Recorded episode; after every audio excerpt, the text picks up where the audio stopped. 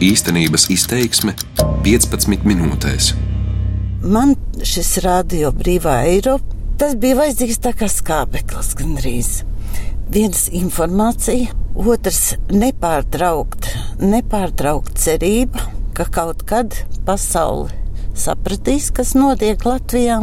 Man tā doma galvenā bija, ka lai, lai cilvēki Latvijā nezaudē cerības, ka ir vēl cerība, ka ir mūsu tautai cerība, cerība arī uz neatkarību. Tā par Radio Brīvā Eiropa misiju teica tās ilgadējs žurnālists Pāvils Brūvers un raidstacijas aktīvu klausītāja Latvijā Anta Bergmane. Brīvā Eiropa Latvijā raidīt pārtrauca 2004. gadā, kad misija bija izpildīta, bet padomi periodā tā daudzu gadu garumā bija neatsverams palīgs brīvības ideju uzturēšanā un pretestības gara spēcināšanā. Nevelti padomi režīms šo raidstaciju uzskatīja par vienu no saviem niknākajiem ienaidniekiem un uzcēla vairākus specobjektus, tautā sauktus par zāģiem, lai slāpētu raidījumu dzirdamību. Te runā Radio Brīvā Eiropa. Sveicināti, cienījamie klausītāji! Latvijas Nacionālā bibliotēka no Amerikas Stanforda Universitātes Hūvera institūta bibliotēkas pirms vairākiem gadiem saņēma vērtīgu dāvinājumu aptuveni 200 radio brīvā Eiropa digitalizētus latviešu raidījumu ierakstus. Pusotru gadu mūsu bibliotēkas speciālisti strādāja pie raidījumos dzirdamo notikumu un personību apzināšanas, un nu kolekcija sakārtot, un 15. februārī notiks tās prezentācija. Raidījumi internetā būs pieejami ikvienam interesantam. Šodien ir Pasaules radio diena, kas ir labs iemesls, lai jau dažas dienas iepriekš ar kolekciju iepazīstinātu nedaudz plašāk. Skan raidījums īstenības izteiksme, un to šoreiz veidoju es, Baiba Kušķa.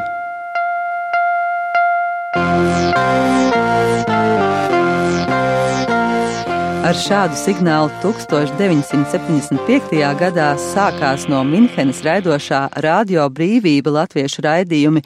80. gadu sākumā latviešu redakcija pārgāja radio brīvā Eiropa paspārnē. Mūsu bibliotekai dāvinātajā kolekcijā ir raidījumi sākot no 70. gadiem līdz 2002. gadam. No 70. gadiem ir virkne raidījumu, kas iepazīstina ar dažādiem autoriem gan trimdā, gan Latvijā. Viņa vidū ir Vizma Belševica un viņas apklusināšana uz vairākiem gadiem pēc dzējoļu krājuma gadu gredzena iznākšanas. Radio brīvība vārdos nosauc arī ļoti konkrētas personas, ko tolaik neviens publiski neuzdrīkstējās Latvijā. Galvenais kritizētājs tajā laikā ir Aivars Goris Latvijas kompartijas centrāla komitejas kultūras nodaļas vadītājs. Kompartijas centrāla komitejas partijas komisijas priekšsēdis Ķīsis savukārt saskata gadu gredzenos mēģinājumu aizvest padomju lasītāju ar ezopa valodas palīdzību no skaidras domas, minējumu un mājienu miglā. Tas esot īpaši bīstami tādēļ, ka Belševicas dzējas darbu nozīmes zemteksts varot radīt ideoloģisku jucekli politiski nepieredzējušos lasītājos. Viduvēju pantu ražotājs Imants Lasmanis, censdamies kalpot kungu gaumei un garšai, nevairas gluži ērmoti nodēvēt dzēnieci par savas tautas zaimotāju, gatavu pārdot savu tēvu un pārvērst savas mātes vārdu par nulli. Radio brīvība raidījumam par Vizmu Belševicu nav norādīts precīzs gads, tāpat kā vēl virknē raidījumu, jo tie Latvijas Nacionālās bibliotekas rīcībā lielākoties nonākuši bez atšifrējumiem. Tos tagad centušās veikt bibliotekas audiovizuālās lasītavas speciālistes stāsta Zane Grossa. Dažbrīd šo raidījumu aprakstīšana bija tā kā tāds detektīvs stāsts, jo nebija zināms, nekas tur runā, nekas tas varētu būt pa notikumu vai pasākumu, un tiešām tad bija tā kā klausoties ļoti rūpīgi, mēs pirmkārt mēģinājām saprast, kas tas varētu būt pa pasākumu. Piemēram, kāda trimts latviešu dziesmu svētki. Aha, labi. Tagad meklējam, kādā gadā piedalījās kādi diriģenti, vai par ko tiek runāts, vai rakstnieku cēliens, piemēram. Un tad mēs gājām uz citām bibliotekas lasītavām, lai meklētu tos materiālus, kas viņiem ir par šiem dziesmu svētkiem. Un dažos gadījumos mēs konsultējāmies ar nu, jau aizsālē aizgājušo Uldi Gravu, kurš mums arī palīdzēja vairākos gadījumos atšifrēt runātājus. Vienkārši viņš pazina viņu balsis, vai arī caur saviem kontaktiem, kur mēs teiksim, nevarējām nekādā veidā saprast, kurš tas gads varētu būt. Labākā gadījumā mēs uzrādām desmit gadi, ja mēs varam, teiksim, tur viens, deviņi, astoņi svītriņi, piemēram. Ja mēs pat desmit gadi nevaram noteikt, tad mēs vienkārši ieliekam viens, deviņi, lai apzīmētu, ka tas ir 20. gadsimts bet tālāk mēs neuzdrošinamies. Tad to varbūt, kā saka, var mums pūļa gudrība kādreiz palīdzēt un iesūtīt, ja viņi var, teiksim, varbūt saprast, kurā laikā tas varētu būt noticis. Jautātas, kuri raidījumi pašām vispilgtāk palikuši atmiņā, bibliotekas speciālistes Zane Grosa un Lāsma Meldere Šestakova min Helēnas Celmiņas lasījumus no pašas sarakstītās grāmatas Sievietes PSRS cietumos, kā arī mācītāja Maksimiliāna Grīvāna atmiņas. Man personīgi ļoti iespaidoja mācītāja Grīvāna atmiņu stāsti, kas ir vismaz piecos turpinājumos. Arī nebija iepriekš dzirdējis vispār par šo mācītāju, bet eh, viņš arī piedzīvoja apcietināšanu, kad ienāca padomju armija Latvijā, un arī, teiksim, viņš stāsta tādā it kā ļoti mierīgā, bezskaislīgā balsī par visu to, kā viņu aizved uz Čeku, kādos briesmīgos apstākļos viņš tur bija un kā viņu tur pratināja, un, un tas vienkārši ļoti tāds atmiņā paliek paliekošs. Es nebiju lasījis Helēnas Celmiņas sievietes PSRS cietumos. Nu, tas paliek atmiņā un paliks atmiņā. Viņa apraksta arī vispār dzīvi kā tādu, kā tajos cietumos, kādā nodaļā, kur kas notiek, un tas ir drausmīgi īstenībā. Pēkšņi visjaunākais čekists uzlēca profesoram uz krūtīm un sāka lēkāt kā pērtiķis. Lēkājot pa mirušā cilvēka krūtīm, plaušu apvidū, mirušajam kaklā radās skaņas. Plaušās no lēkāšanas gaiss te ieplūda, te strauji tika izspiests, un kaklā kaut kas šņāca un krāca.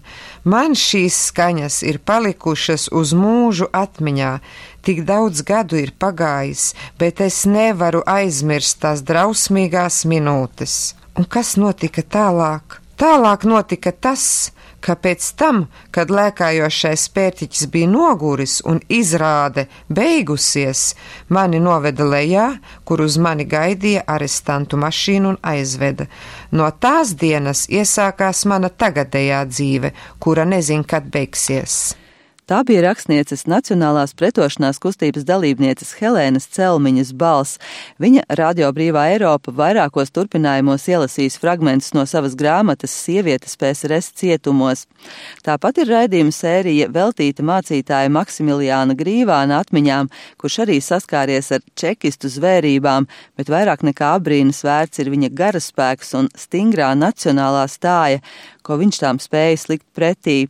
Viss sācies ar grīvānu apsūdzēšanu par it kā pretvalstisku darbību. Tad izmeklētājs sacīja, ka es nevarot noliegt, ka esmu 18. novembra dievkalpojumā Ventspils baznīcā licis dziedāt fašistu himnu.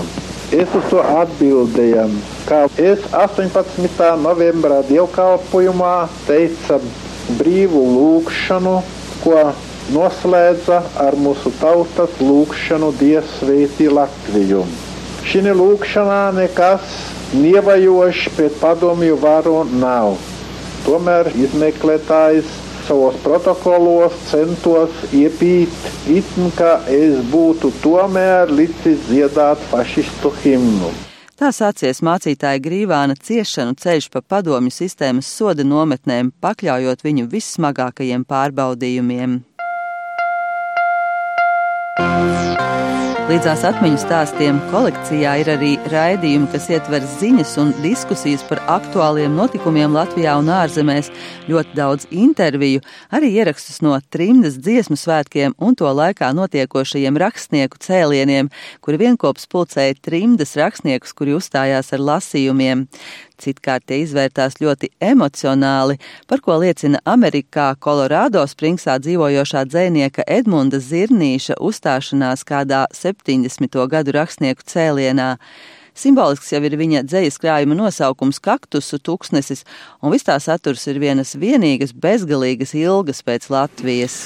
Akaktus dzelkšņainais, tu labāk tomēr zini, kas asos zeloņus ap sevi apaudzini, kas tīko pieglausties, lai elso smeldzēdams. Tu dziļi durdams man ar vienu atgādini. Šai zemē nepielipt, bet sapņot, ziet, kur lini, kur māte atduzas kur sabrūk tēva nams. Kā svaiga gaisa malks, kā dzīvinošs avots, Tā radio brīvā Eiropa nozīme raksturotā uzticīga klausītāja Latvijā ilgu gadu garumā Anta Bergmane. Mēs dzīvojam Pārdaugavā, pirmā stāvā, un parasti raidījumi bija kaut kur stingri pēcpusdienā, vakarpusē. Un tad vecākais aizsīs slēdzus, stingrais taisīja logus, lai nu kāds neizdzird tiešām no garām gājējiem. Un auss bija jāpiepāž pie rādio tik tiešām tādēļ, ka laida pa virsu trokšņus. Un tad viena veida trokšņi, un tad nāca otra veida trokšņi, un tad bija jāpiebāž ausu burtiski pie rādio, lai saklausītu, bieži vien saklaus vienu vārdu, pēc tam atkal trīs vārdus nē, un brīžam vispār kādu laiku neko nesaklaus. Un es, kad tagad domāju par šo te mūsu tikšanos, un atcerējos tās ainas, kādas palikušas atmiņā. Un tam man tāds salīdzinājums ar to, ka tēvs stāstīja, ka viņi tika vest uz Sibīriju tajos lopu vagonos, un kad tik ļoti pilns tas vagons bija un nebija skābekļu. Un tad pie tā lodziņa, pat ne lodziņa, bet pie tās spraugas, kur varēja to gaisu elpot, ka burtiski pieplak viens pēc otra. Un tāda man bija sajūta, ka mēs klausāmies to radio, ka tas bija vajadzīgs tā kā skābeklis gandrīz. Un bija vajadzīgs tādēļ, ka viens informācija, otrs nepārtraukt, nepārtraukt cerība, ka kaut kad pasaule sapratīs, kas notiek Latvijā, un ka tie latvieši, kas ir tikuši tajā pusē, ka viņi palikuši par latviešiem un ka viņi domā par Latviju. Un tas tā kā stiprināja ar to apziņu, ka mēs neesam vienīgie, un tikai tas mūsu šaurais lokus nav vienīgais, kas ir palikuši par patriotiem. Tieši Antas Bergmanas minēto cerības uzturēšanu par savu galveno misiju vairāk nekā 20 gadu strādādams Radio Brīvā Eiropa uzskatījis Pāvils Brūvers. Latviju viņš kopā ar ģimeni bija spiests pamest 1976. gadā un trīs gadus vēlāk kļuva par Brīvās Eiropas žurnālistu pirms mēs izbraucām no Latvijas, mums bija tāda neliela, bet nu, tomēr tāda pretestības grupa noorganizēta. Un uh, man interese bija šos ļaudis visādā veidā atbalstīt un viņus stiprināt. Un arī vispār par tādām pretestības parādībām runāt. Man tā doma galvenā bija, ka lai, lai cilvēki Latvijā nezaudē cerības. Jo ļoti daudz bija tādu, kas teica, jā, nu ir cauri, mēs mirstam, vēl kādi daži gadi un ir cauri ar mums, mēs vairs nebūsim. Un tas virstemats man bija virs mērķis, lai cilvēku saglabātu cerību, ka ir mūsu tautai cerība un skatīt pa cerību arī uz neatkarību. Un es veidoju tādus pusstundu garus raidījumus katru nedēļu par pretestības kustību Latvijā. Protams, nevienmēr jau tur daudz kas nenotika tajā nedēļas laikā, bet tad es atskatījos vēsturē, kas ir bijis un kā, un arī iepazīstinājām mūsu politieslodzīto biogrāfijām ar to, kas ir noticis, ko viņi ir darījuši, un tas bija tas mans galvenais uzdevums par pirmo bēru zvanu, kas nopietni satricināja monolīto padomi impēriju, Pāvils Brūvers uzskata kustības solidaritāte izveidi Polijā. Ārpus Latvijas šīs vēsmas bija spēcīgāk sajūtamas, un Pāvils Brūvers dedzīgi par to vēstīja arī Radio Brīvā Eiropa. Es to visiem centos likt pie sirds, ka šis ir bēru zvans visai šai impērijai, ka tas turpināsies un tas ies plašumā. Un tā arī bija. Un tad visspēcīgāko zvanu jau iedeva Rīga. Latvieši 87. gada 14. jūnijā. Tas satricināja visu to sistēmu, un tur bija iesaistīta daudz, daudz ļauds, pat Amerikas prezidents Reigans. Tādā veidā, ka mūsu trimdas ļaudis gāja pie visiem valstu valdībām, kur vien varēja tik klāt, jo mēs te bijām saņēmuši ziņu, ka būs šī demonstrācija pie brīvības pieminekļa 87. gada 14. jūnijā.